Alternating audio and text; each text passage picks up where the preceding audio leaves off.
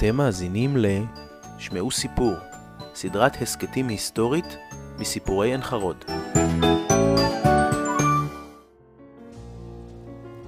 חנה מינץ, אימא של מימי דר, זאביק ועומר מינץ, עלתה ארצה במסגרת עליית הנוער. את חנה ראיינה רותי קמחי בשנת 2004. נולדתי בברלין ב-30 באוגוסט 1922 להורים אוהבים מאוד. גיל ארבע אבא נפטר ממחלת כליות. אימא נישאה לאחיו של אבא ואז אנחנו עברנו מברלין לפרוסיה המערבית. כעבור שנה נולד אחי, חיינו שם בעיירה הקטנה הזאת, זאת הייתה עיירה קטנה שהיו מעט מאוד יהודים בה וחיינו עם כמה משפחות יהודיות בחברות ובידידות. זה היה בית ספר גרמני ככה טהור לפי התקן הגרמני של הימים ההם והיו שם מעט מאוד ילדים יהודים ולאט לאט כל פעם מישהו עזב לאיזה מקום אחר. רציתי לצאת מבית הספר הזה מתוך זה שהייתה שם אנטישמיות נוראה ואני רציתי לעבור לסבתא לברלין, שם למצוא בית ספר יהודי. הכרתי רק את ה... את ההתחלה של הציונות, כי ההורים בבית, הבית היה מסורתי יהודי, אבל הרוח ששררה שם היה שאנחנו יהודים בגרמניה וגרמנים בדת יהודית, אבל גרמנים, גרמנים איש לא, לא פקפק בזה, אבא שלי היה חייל בזמן מלחמת העולם הראשונה בבית הספר הזה למדתי על ציונות ולמדתי על ארץ ישראל והיו רבים שגם הלכו אז בעליית נוער לארץ. בסוף 38, בהתחלה, באחד 39, עליתי לארץ במסגרת עליית הנוער. חודשיים לפני העלייה היינו במחנה הכשרה, שזה כאילו ההכשרה בשביל אלה הקבוצה שעולה ביחד לארץ. בניל הבדולח הייתי בדיוק במקום הזה ביחד עם החבר'ה, עם החברה הזאת של ההכשרה לעלייה והיינו מאוד מפוחדים כי הודיעו גם חלק של הילדים, לחלק של הילדים היו הורים שלא הייתה להם אזרחות גרמנית אלא הם היו מחוסרי אזרחות. יהודים שהיו בגרמניה לא תקופה מסוימת לקחו מהם את, גם את האזרחות שהם קיבלו באופן זמני והם נרדפו והם נשלחו הראשונים למחנות. בינואר הגעתי לארץ והגעתי לנמל חיפה, היה שם בית עולים שקיבל את העולים, היה מאוד מאוד מזעזע, מין דבר כזה, מסביב לנמל היו רק ערבים שהם סחבו אותנו בידיים, בסירות להגיע לחוף. היינו בלילה בבית העולים, היה מדריך מעין חרוד שקיבל אותנו, אליהו שטיפל היה שמו, הוא אחר כך היה גם המדריך שלנו בהמשך בעין חרוד. עין חרוד בראשיתה הייתה מורכבת מאנשי העלייה השנייה והשלישית, אחריהם הגיעו העליות הרביעית והחמישית, ובשנת 1934, לאחר עליית היטלר לשלטון, הגיעו חברות הנוער, שהיו מורכבות תחילה כולן מבני נוער מגרמניה, שעלו ללא הוריהם בגילאי 14 עד 17. זה היה הפרויקט המפורסם של הנריאטה סול. אנחנו הראשונים היינו רק חמישה נערים בסך הכל, אחר כך נשלחו אלה שהסוכנות שלך ושילמה בעדם. כל הקבוצה ביחד היו 60 נערים, חברת נוער ד'. בעין חרוד באותה תקופה היו כבר 60 נוער, נוער ג'. באותה תקופה היו בעין חרוד 120 נערים ונערות נוער. ולא היה איפה לגור ולא היה אוכל ולא היה שום דבר, אבל פתחו לנו את, ה, את החדרים של החברים, וחבר קיבל ילד, נער. כל העסק, הדיור הזה הזמני אצל חברים, זה, זה לקח בטח חצי שנה, שלושת רבעי שנה. הקימו לנו בינתיים צריפים, ואז גרנו בצריפים, ובינתיים גם בנו בתים מהסוכנות. בעיקר למדנו אחר הצהריים ולמדנו ברצון, וקסם לי נורא הדבר הזה שאנשים עובדים ללא תמורה ועובדים כל כך קשה והאוכל הוא כל כך דל והם שמחים והם עוד עוזרים לנו והם עושים הכל בשביל לה, להנעים לנו. הם, הם עשו כל מיני שגיאות, אני בטוחה שעשו שגיאות בצורת החינוך שלה, של כל, ה, כל הקיבוץ וכל זה, אבל באותם הימים השגיאות האלה היו אה, נכונות, כאילו כך צריך היה לנהוג ולא אחרת. היום כשאני חושבת על דברים שנעשו אז, אז אני חושבת איך אפשר היה לנהוג ככה, איך אפשר היה להתנהג ככה. גרנו באופן מסודר במשך השנה, השנתיים שבילינו בעין חרוד. במסגרת של עליית נוער, שנתיים זה היה חצי יום לימודים וחצי יום עבודה וחוגים בערב מיוחדים שהיו אה, מתנהלים על ידי חברים בהתנדבות, חברים אה, שהם היו בעלי ידע מסוים באיזשהו מקצוע, שהם התנדבו לתת לנו הרצאות ו... ובדרך כלל חיי החברה התנהלו כמו אה, חיקוי לחברה הגדולה בעין חרוד. השוויון צריך היה להיות מוחלט על, על חבילות שקיבלנו, צריך היה לחלק אותם שיהיה לכולם.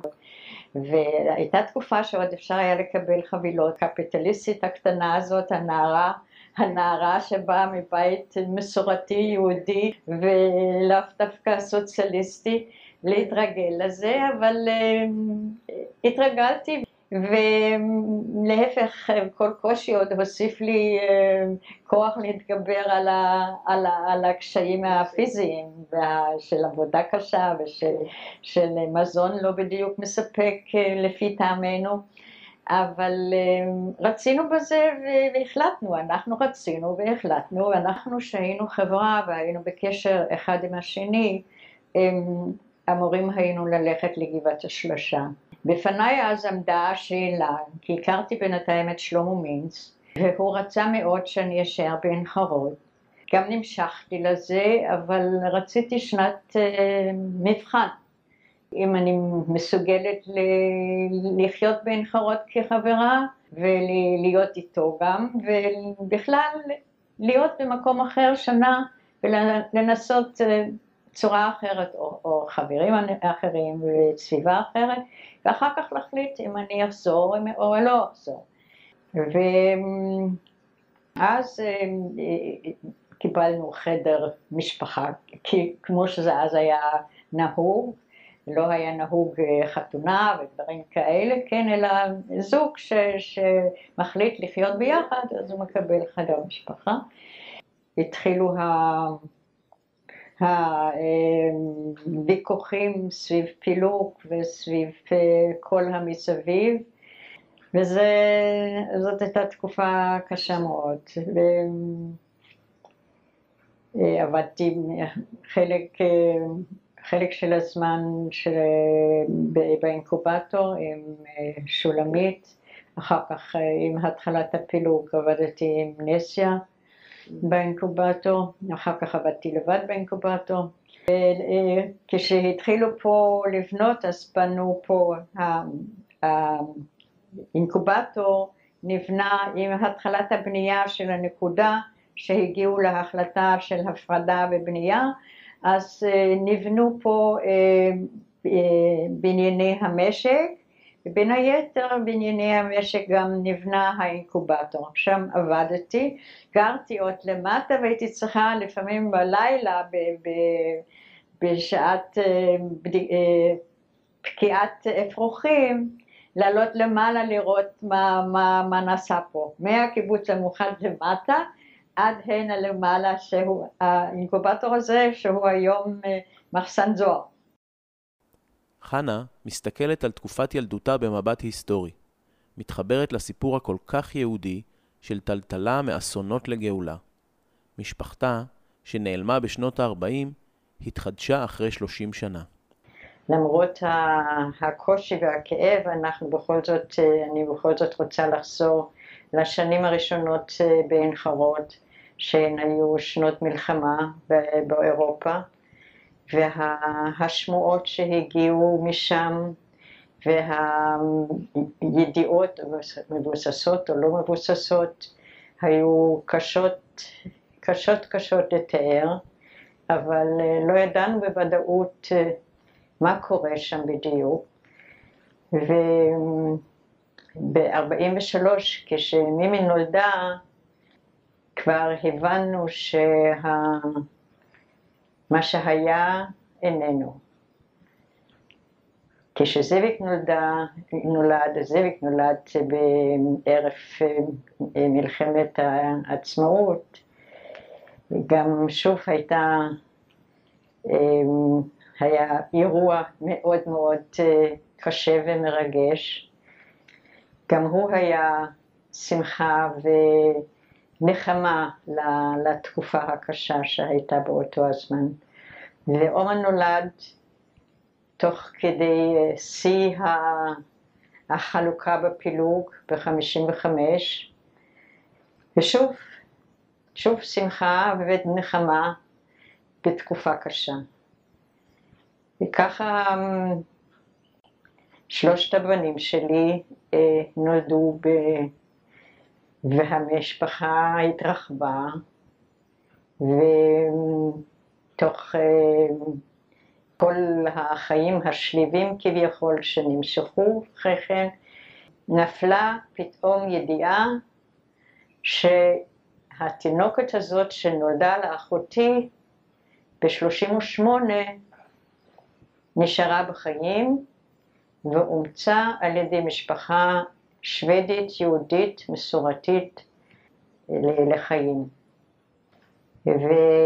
והידיעה הגיעה כעבור 30 שנה, בשנות, בשנת 68 אה, קיבלתי אה, טלפון ממשפחה בנתניה שאני אבוא לטלפון, הרי טלפון בבית לא היה לאף אחד, וצריך היה לבוא למזכירות לטלפון היחיד בכדי להתקשר, וקבעו איתי, קבעו לי לבוא לשם בחמש, ואני אמצא את מי שאני צריכה לדבר איתו. המשפחה שלי הגיעה מחוץ לארץ, זאת הייתה הבשורה. אני הייתי נרגשת שאני לא ידעתי אם לבכות או לצחוק או, או, או, או משהו קורה ו, ולא הבנתי, זה היה דבר אה, מעבר להבנתי בכל אופן.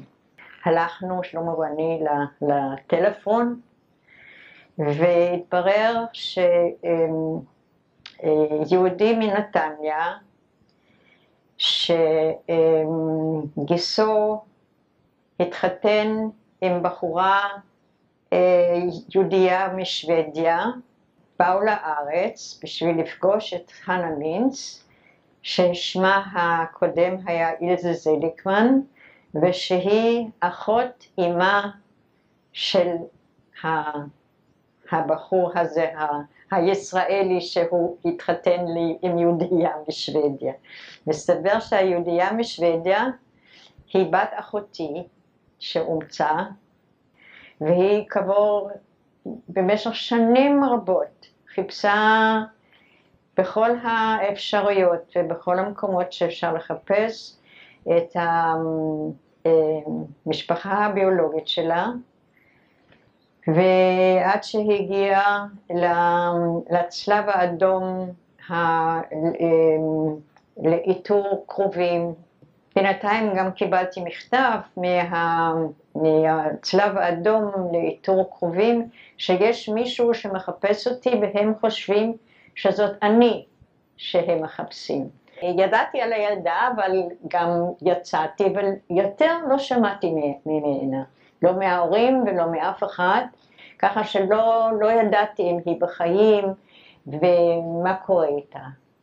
והבת של אחותי לבסוף יצאה יצרה קשר איתי, היא הגיעה לנתניה באותו, באותה תקופה לבקר את המשפחה של בעלה, שהוא חי בנתניה, היו לה כבר, יש שני ילדים, והיא בינתיים כבר הייתה בת שלושים, כן, זה עברו שלושים שנה. לא זיהיתי בה שום דבר דומה למשפחה שלי, אבל הבנתי שהיא הזאת, היא הביאה גם את המסמך של האימוץ עם, עם, עם צלב הקרס של הגרמנים, הרי הם היו מאוד מסודרים תמיד, והתעודה של, של ההעברה של הילדה מגרמניה לשוודיה הייתה חתומה עם, עם המסמך הגרמני, עם, עם צלב הקרס. אז אה, אה, המשפחה התרחבה. והמשפחה שלי היא עם, עם כל המשפחות שהם הקימו והנכדים שנולדו והנינים שנולדו כשאנחנו נפגשים במפגשים המשפחתיים שלנו פעם, מדי כמה פעמים כל המשפחה נפגשת ביחד ויושבים מסביב לשולחן הגדול שבצפיפות גדולה אנחנו תופסים את כל, ה, את כל החדר, אז אני רואה את הבת עם, ה, עם, ה, עם המשפחה וה, עם הנכדה וה, והנינים שלי, והבנים עם, ה, עם הבת ושלושה, זאביק עם שלושה אה, בנים, ועומר עם, עם בת ושלושה בנים, אז הבית מלא, ואני מסתכלת ואני חושבת, אמ, לא נמחקנו. אף פעם לא שכחתי את החוב שאני חיה, חייבת לעין חרוד. לא שכחתי את, ה, את ה, כמה התעשרתי בעין חרוד, מתוך, בתוך אה, צורת החיים המיוחדת הזאת, שהיא כל כך קסמה לי מההתחלה. חנה מונה את היש המשפחתי המפתיע ומציינת, לא נמחקנו. וזאת לדעת, במרוצת השנים בעין חרוד היו 22 קבוצות בני נוער. 12 מהן היו חברות נוער עולה, שבאו מכל רחבי תבל, גרמניה, רוסיה, פולין, הונגריה, רומניה, עיראק, בולגריה, צפון אפריקה, הודו ועוד. ארבע מהן היו קבוצות של ילדי עולים שלא במסגרת עליית הנוער, כגון ילדי טהרן ואיתן מגשימים, ושש מהן היו קבוצות של נוער ארץ ישראלי, כגון שחר, כפיר, לפיד ועוד. סך הכל כ-800 בני נוער. האזנתם לפרק נוסף של סדרת ההסכתים שמעו סיפור. המביאה אליכם את הקולות, הדמויות והסיפורים מהעבר. נתראה בפרק הבא.